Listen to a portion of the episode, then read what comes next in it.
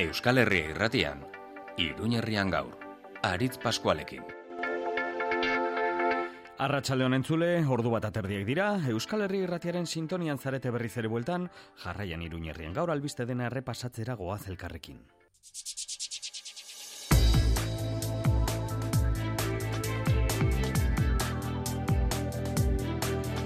Navarra suma berriz ere bakarrik geratu da Iruñeko udalean eta berdin dio noiz irakurtzen edo entzuten duzun hau. Gaurkoan korrika txikiei jarritako trabe utzi dute bakardadean eta gutxiengoan eskuinaren koalizioa oposizioak bat egin duelako ekimenak espaloietara bidaltzen dituen zentzurik gabeko arauaren kontra. Zentzurik gabekoa bai eta hau ez dugu guk asmatu, administraziorako auzitegiak ere horrela uste du, 2005ean ezarritako arau hau ez dela justoa diolako. Duela bi urte eskatu zitzaion Navarra sumako aginte taldeari bertan bera usteko neurria, baina entzun egin dio hauzitegi talderdi politikoen gehiengoari. Erraminta bikaina baitu eskuinak, nahieran ekimenak, jarduerak baimendu eta debekatzeko. Gaur Navarra sumako zinegotziek defendatu dute, arazorik ez denean, baimenak ematen direla, bide publikoak tarte luzez okupatzeko. Eta bai horrela da, azken hilabeteetan irutan baimendu dira horrelakoak. Bata, UPNren karpa bat jartzeko Carlos Irugarrenean. Beste bat, UPNren gazteriakek ezarri zuen informazio mai batendako zabalgunean. Hirugarrena ez da UPNren ingurukoa izan. Vox alderdiari utzi baizitzaion espazio publiko bati bai dagokio. Anistasuna Navarra sumaren eran ulertuta. Gaur goizean iruñeku dalbilkuraretoan aditu ditugu beraz, orain Euskal Herri erratiko albiste kontakizun honetan, dena den eh, berri gehiago dugu zuekin partekatzeko aste arte goiz honetan entzundatukoak. Badain zuzen Euskalgintzaren kontseiluak kalera irtetera dei egin du Euskaldunon eskubideen defentsak. Euskaldunak ez gutxietxi kanpainarekin bat eginez, administraziotik Euskararen presentzia mugatzeko hartzen diren neurriak salatuko dira horrela, maiatzaren zazpian eginen da protesta Antonio Titik abiatuta. Mobilizazio gehiago ere gaur goizean ikasleak kalera atera dituena. Ikamak egungo hezkuntza sistema zaharkituaren kontrako protesta egin baitu iruñeko karriketatik, Espainiako poliziak hainbat identifikazio egin dituela salatu dute ikasle mugimendutik. Nafarroako justizia jauregiak gaur enegarren aldi zamiantoak kaltetutako langile baten kasu aztertu du. Kasu honetan, Lizarrako Agni enpresakoa. Amiantoaren biktimek salatu dutenez, enpresek prozesu judizialak neurri gabe luzatzen dituzte, aitortza eta kalte ordainak gehienetan langilea bera hilda dagoela iristen direlarik. Eta epaitegietatik mugitu gabe, bihar epaile aurrean biltzera ondei egin dituzte hainbat talde eta eragile ekologista, bai edo odieta enpresak salatuta, kaparrosoko beitegi erraldoia kutsakorra dela esateagatik salatuak daude. Emakumeen futbolak profesionaltasunerako urrats garrantzitsua eman du aurten eta lenda biziko maila azkenean liga profesional gisa aitortuko dute. Horren presidente izan nahi du Ainoa Tirapuk Atletik Klubeko atezain amabosturtez izan dakoak. Jokalari oi Nafarra irrintzi plazan izan zen atzokoan. Bada, hauek dira aste arte goizonek utzi dizkigun albiste nagusiak edukietan sartuko gara berehala. Aldez aurretik, eguraldiari ere erreparatuko diogu. Atzoko eguraldi onaren ostean ailegatu da iragarritako aldaketa. Goizean ateri esnatu garen arren, goizerdian odei ilunak ugaritu eta euria iritsi da gurera. Zaparradak tarteka ditugu, ez oso indartsuak eta temperaturek beheruntzko bidea hartu dute. Neguko berokia gorde bazenuten, aste honetan berriz ere armariutik atera beharko duzu. Gaur, amazazpi graduko maksimoak izanen ditugulako, baina kasu bihar amalau, amabi gradu izanen dira ostegunean, 6 gradutaraino jeitsiko dira termometroak larun batean. Prezipitazioak izanen ditugu egunero, euri formakoak gaur bihar eta etzi eta kasu ostiraletik igandera bitartean, elur forma izan dezakete baita iruñan ere, elur maila irureun metrotan kokatuko baita astearen amaieraldean. Une honetan esan bezala, zaparra da txikiak, zerua gris, odei altuekin eta amalau gradu markatzen ditu Euskal Herri irratiko gure termometroak. Ordu bata eta hogeita amabos minutu direnean, Igor Eskudero tamendi kontrolean gidari, asteragoa. Iruñerrian gaur.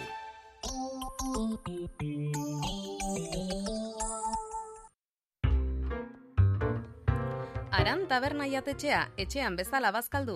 Astelenetik ostiralera, kalitatezko bazkariak prezio ezin hobean, menua amabi eurotan. Afaltzeko berriz, entxaladak, arrautza, xeatuak, bokata eta hamburguesak aukeran.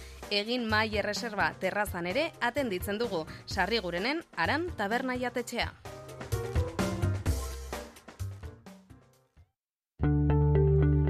Nola bizi dira gazteak euskaraz, ze erronka ditu euskarak. Ametxaranguren ibilbedi musika taldeko abeslaria begonia garaiko etxea gaztealdiko partaidea maitane jungitu geimerra eta unai dufur osasuna futbol taldeko jokalaria elkartuko ditugu galdera horiei erantzuteko. Berrogeita urte aurrerago, euskaraz bizitzeko autua solasaldia martxoaren hogeita maikan arratsaldeko seiterdietan iruñeko katakrak liburu dendan, zatoz. Eluiar berrogeita urte aurrerago. Azken aldian albiste txarrak baino ez ditugu entzuten, baina honak ere behar ditugu gure osasunerako. Guk albiste ona eman nahi dizugu. Aurten amabi urte bete ditugu. Amabi urte erlek ematen dizkiguten produktu ez gozatzen. Kalitate goreneko eztia, erregina gelea, polena eta propolia eskaintzen.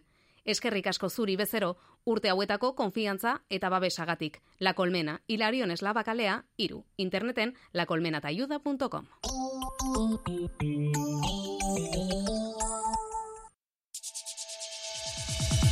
Iruñerrian gaur, albisteak.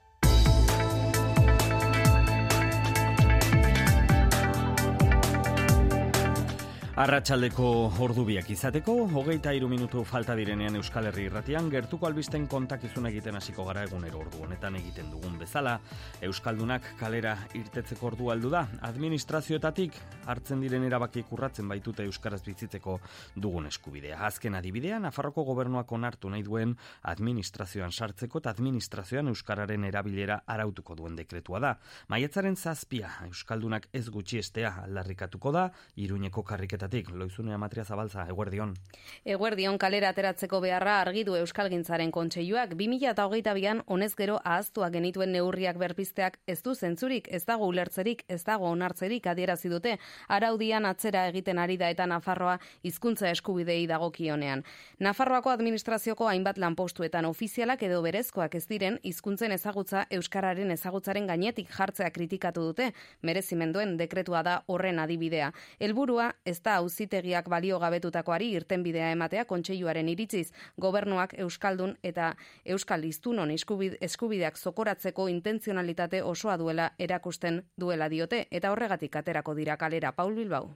Gobernuari berriz ere eskatzeko berpentza dezala dekretua herritarrak erdigunean kokaditzala, euskaldunak erdigunean kokaditzala, dekretua bere horretan onartu eskero, sekulako gutxiespena izango delako euskaldunekiko eta berriz ere Nafarroan lehen eta bigarren mailako herritarrak daudela berretxiko dutelako.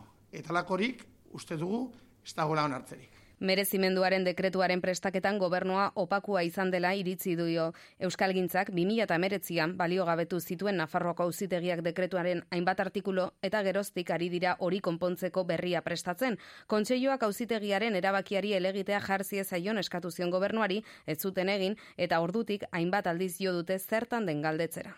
Ez dakigu eskaen Nafar kontziotik pasatuko duten, ez dakigu gobernu irekian jarriko duten ekarpenak egiteko, badakagu sentsazioa, e, bueno, batzue badakatela interesa e, atzeratzeko e, go, e, dekretuaren onarpena, bueno, ba, kalkulu elektoralen gatik. Etori ere, triste iruditzen zegu, herritarren eskubiden e, aurrean jartzea alderri baten kalkulu elektoralak.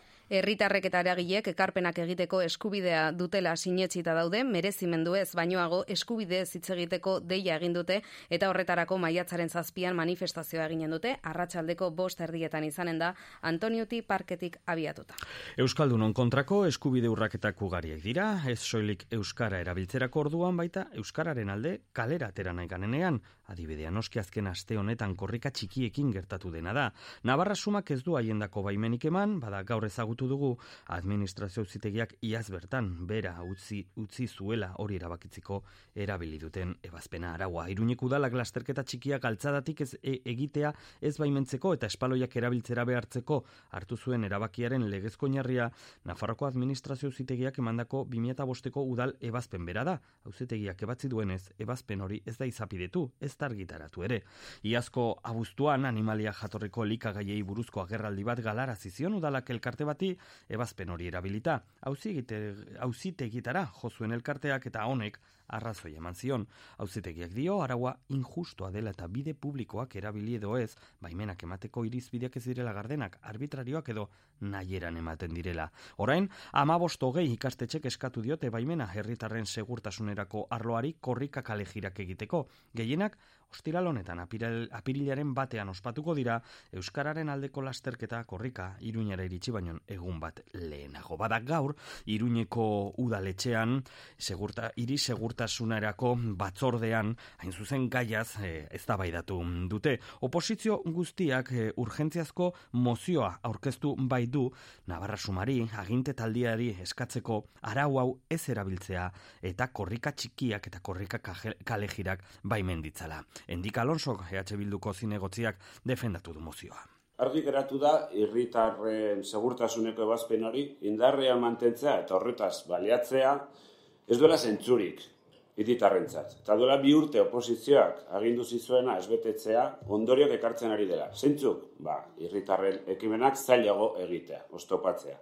Egun hauetan Labairu eta Fernandez jaunaren burugo gorkeriak arazoak sortu ditu korrika simulakroak espolietatik joateko behartzu dituzuenean. Zuek, xera nahi duzue. E, ekimenetan parte hartzen dutenek, txikiak, erraldoiek, espaloiak joatea, kotxeak molestatu gabe. Beraientzat edo gainontzeko oinezkoentzat sortu daitezken egoerak, baita arrisku egoerak ere bost asola omen zaizue. Bilduta hauen hemen zineten antolatzeilekin, eta esan zitzaizuen, ibilbide motzak direla, aldik eta ostopo txikiena eragingo zutela, baina zuek eset. Ondorioz, Mozioarekin bat egin dute, bai pesenek eta baita geroa baik ere.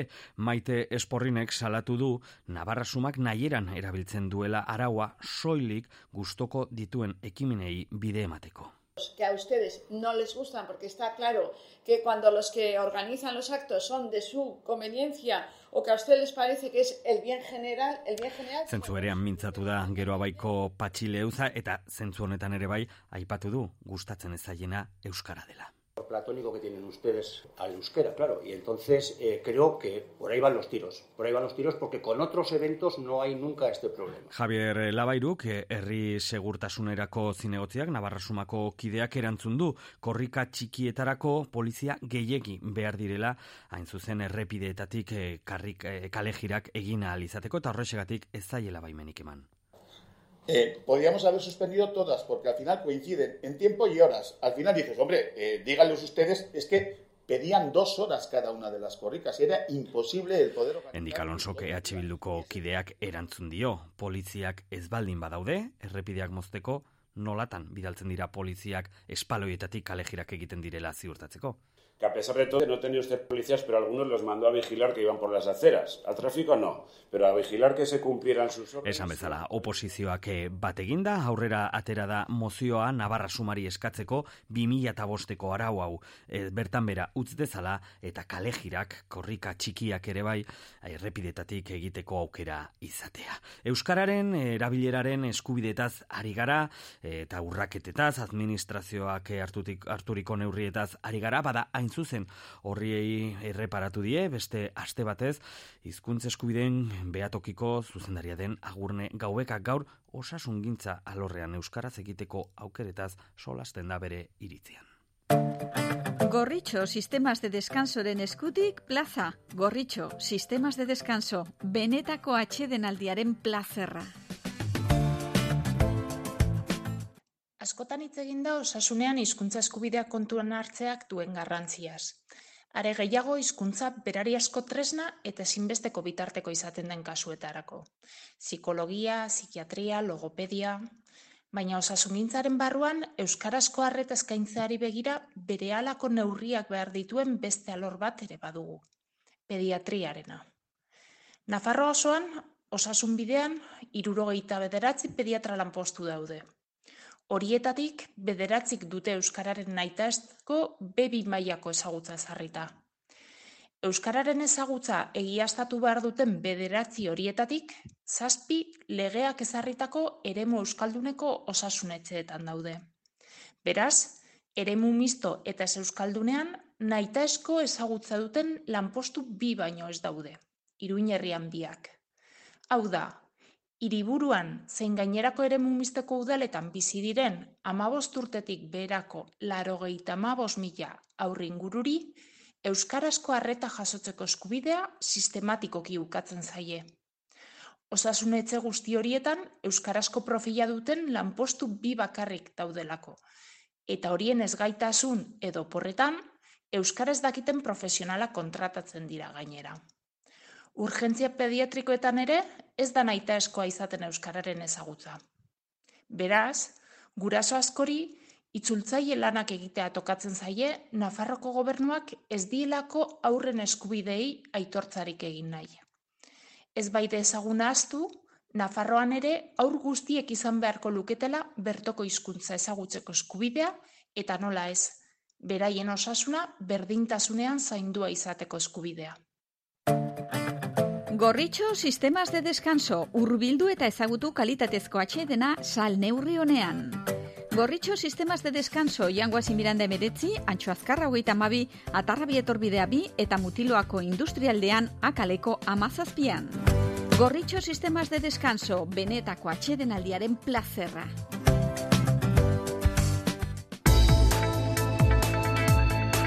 Euskal Herri irratiaren albiste kontakizuna entzuten ari zarete, bestelako gaiak jorratuko ditugu, eta gazteria eta ikasleen e, protestak eta demandak ere bai ezagutuko ditugu. Pasaden ostegunean greba egin zuten, hainbat e, ikasle gaur ikama, ikasle mugimenduak e, deituta kalera irten dira berriz ere egungo hezkuntza sistemen kontra. Ikastetxeetan bizi den egoera prekarioa salatu nahi izan du ikama gaztea antolakundeak, ratio handiegiak, ikasketa prozesua duintasunez garatzeko baliabide eskasiak, hezkuntzaren privatizazioa eta segregazioa salatu dituzte besteak beste. Ikamako kide, Aimar Jusue. Ikasteko baliabideak eta tresnak e, prekarizatuak izan dira, eta ulertzen dugu ez dela inbertitzen hezkuntza sisteman eta hezkuntza arloan eta oztopo asko ditugula gure ikasketa prozesuak aurrera eramateko. Ez bakarrik hori, baizik eta orokorrean eta osotasunean hezkuntza sistema bere baitan desfasatua dagoela eta hori argi ikusi dugula azkenengo krisi egoerarekin. Pandemiak agerian utzi ditu sistemaren gabeziak jusueren iritziz ikastetxeetan indar polizialen presentzia handiegia dela azaldu du kontrolerako mekanismoen areagotzea eta ikasleen antolakuntzen kriminalizazioa aipatu ditu eta egoera pandemikoak ikasleen buruko osasunean ere eragine izan duela azaldu digu. E, gero eta osasun mentala txarragoa daukagula orokorrean gizartean eta noski e, baitare ikaslerian horren aurrea, aizari dela jartzen e, mekanismorik osasun mental on bat e, mantentzeko, ez ari dela inbertitzen psikologo publikoetan edo zaintza lanetan. Aldarrikapenak kalera ateratzeko manifestazioa egin dute, eguerdian nabarreriatik irten da, hasi aurretik enda ondoren hori bai amargazte identifikatu ditu Espainiako poliziak. Mi esker loizune, gaur egungo eziketa ereduaren aurka kaleratera dira ikasleak, zigoreta sarietan oinarritzen da, gehien bat eredu hori eta hori aldatzeko aleginetan dira, hainbat profesional gure inguruan. Eredu aldatzeko bideen inguruko ikastaro antalotu du, udako Euskal Unibertsitateak esaterako, rei silintxeta mintzatu da koordinatzailearekin. Disiplina positiboa, zigorrik eta saririk gabeko eziketa eredua. Hau da UEUk datozen bilarun batetan iruñean eskainiko duen ikastaroa. Disiplina honen metodologiak enbila bederatziun eta hogei garren urtean du jatorria. Adler aur psikiatra eta Dreikur psikologoa izan ziren sortzaileak eta honekin aldarrikatzen zutena zen aurrekiko eta gaztekiko errespetuzko tratua, beti muga batzuen barruan eta permisitatean erori gabe. Gaur egungo eziketa zigor eta sarietan oinarritzen da gehien bat, eta ezakigu nola egin beste modu batera.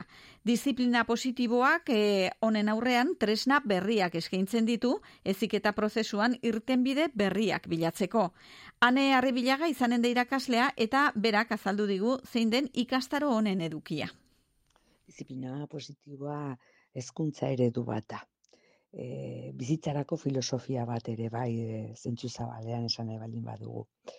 E, personen bizitzarako hainbat arlotan, familian, eskolan, erakundeetan, elkarrekiko errespetuzko harremana bultzatzen dituna, eta gaitasun sozioemozional eta bizitza trebetasun baliotsuak garatzen eh, laguntzen duena. Amar orduko ikastaroa izanen da, apirilaren enbian eta bederatzean, goiz partean eta iruñean eginen da, ueuren egoitzan. Horein dago zabalik izena emateko epea.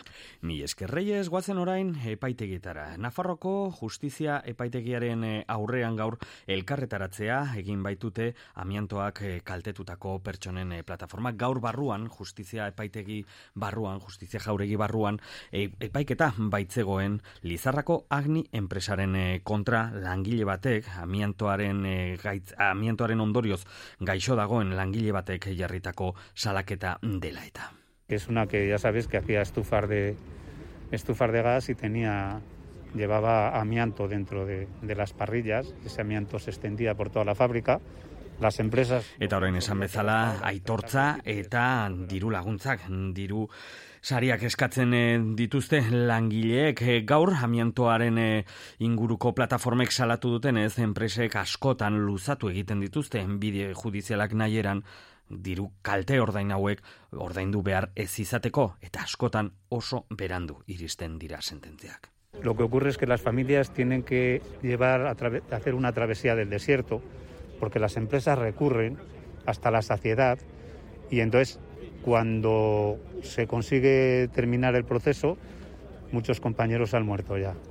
Irumila pertsona baino gehiago daude amiantoarekin edo amiantoaren ondorioz kaltetuta Nafarroan eta soilik bosteunek daukate aitortza ofiziala horresegatik, hain zuzen e, erakundeei, administrazioari eskatu diote administrazioaren gaineko sentsibilizazio kanpainak egin ditzala haien arriskuakaren arriskuak agerian utzi eta baita ere langileen aitortza eginez gero. Epaitegitatik mugitu gabe, hori gaur izan da amiantoaren kasua, baina bihar Baie de Odieta enpresak eh, epaile aurrean eh, deitu ditu Kaparrosoko beitegiaren eh, kontrako txostena egin zuten egin eta sinatu ba, eta babestu zuten eragile ekologistea guztietako kideak.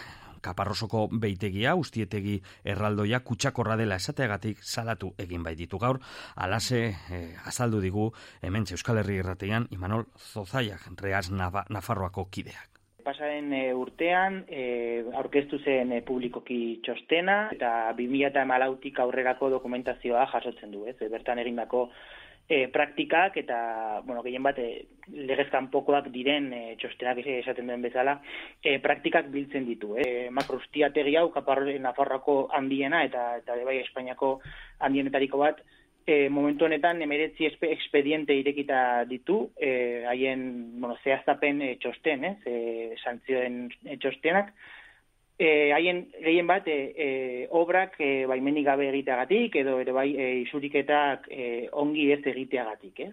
Eta bai horietaren ustez, e, kalumniak eta eta irainak direnez, ba, bihar auzitegian egongo gara e, adizkidetze aktu batean, ez? Reaz, e, Nafarroa, Greenpeace, bezalako eragile eta talde ekologistak e, daude salatuta edo bihar deituta dizkidetze saio horretara bai edo dieta enpresak kaparrosoko beitegiaren e, jabeak jarritako salaketa dela eta bihar ere bai kontatuko dizuegu zertan geratzen den hain zuzen adizkidetze saio hori. Iragarkien tartea zabaltzeko ordua heldu da hemen Euskal Herri irratian bueltan albiste gehiago. Iruñerrian gaur. Ozen denok, eman bide Euskal Herria irratiare! Euskal Herria irratia. Inkesta galdetzen badizute, esan ozenki Euskal Herria irratia entzuten dut eta arronago. Egin dezazun bidea.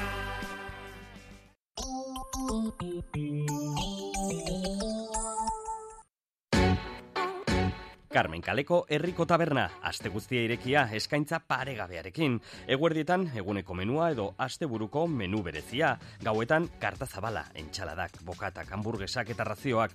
Ostegunetan gure talo mitikoak. Gainera, ardo karta berezia. Carmen Kaleko herriko taberna, Iruña. Noainen, serreria espartza. Zurdindegi eta ebanisterietarako hornikuntza. Altzariak, eskailerak eta upelak egiteko askotariko zura. Gaztainondoa, gereziondoa, lizarra, informazio gehiago, serreriaesparza.com webunean. Gure berezitasuna, aritza. Kalitatearen gatik, aholkularitza onenaren gatik eta iruñeko erdigunean erosketak egitea gustuko dudalako, nire kirolerako jantzi eta materialak basatiak dira. Basati Kirolak. Errekoletak zortzi, baratxurien plaza, Iruña.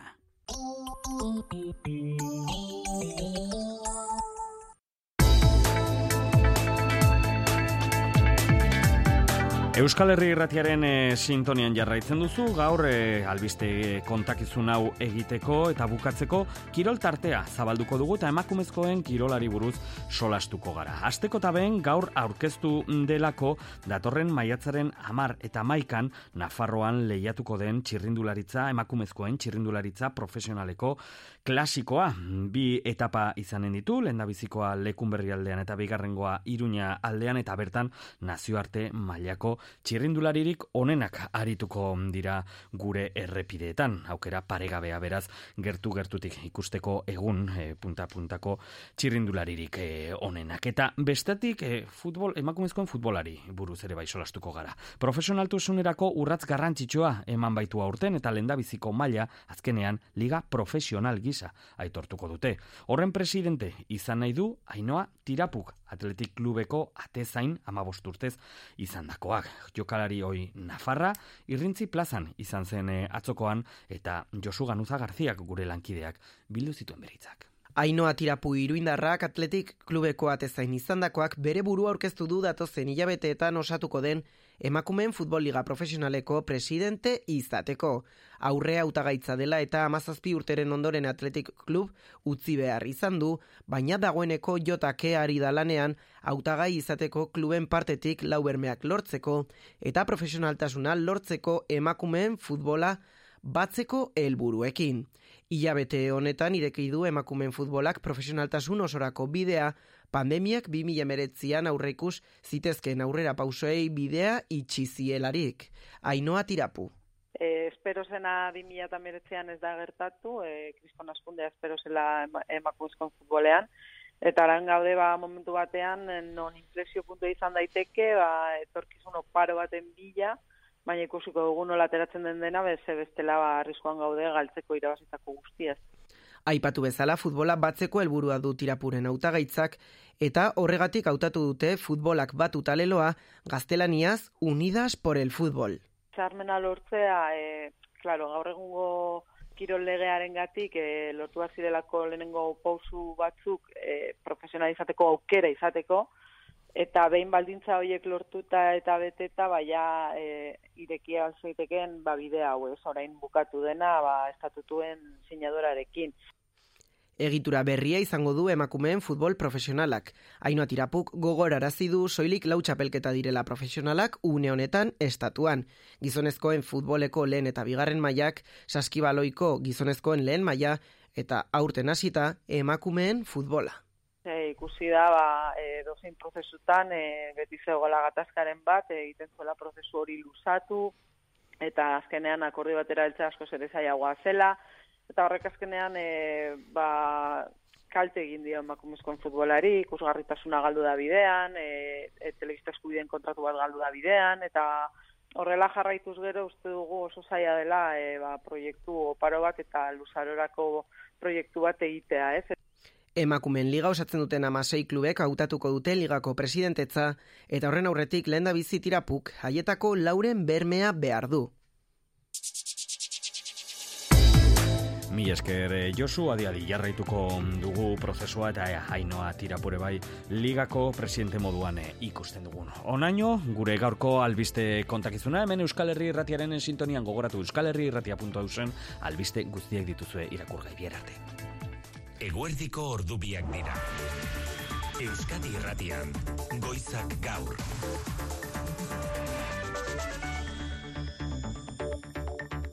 Arratxaldeon guztioi, Arabako, Bizkaiko eta Gipuzkoako foru aldundiek neurriak adostu dituzte Ukrainako gerraren ondorioak arintzeko helburuz besteak beste lehen sektorearen zako, bosko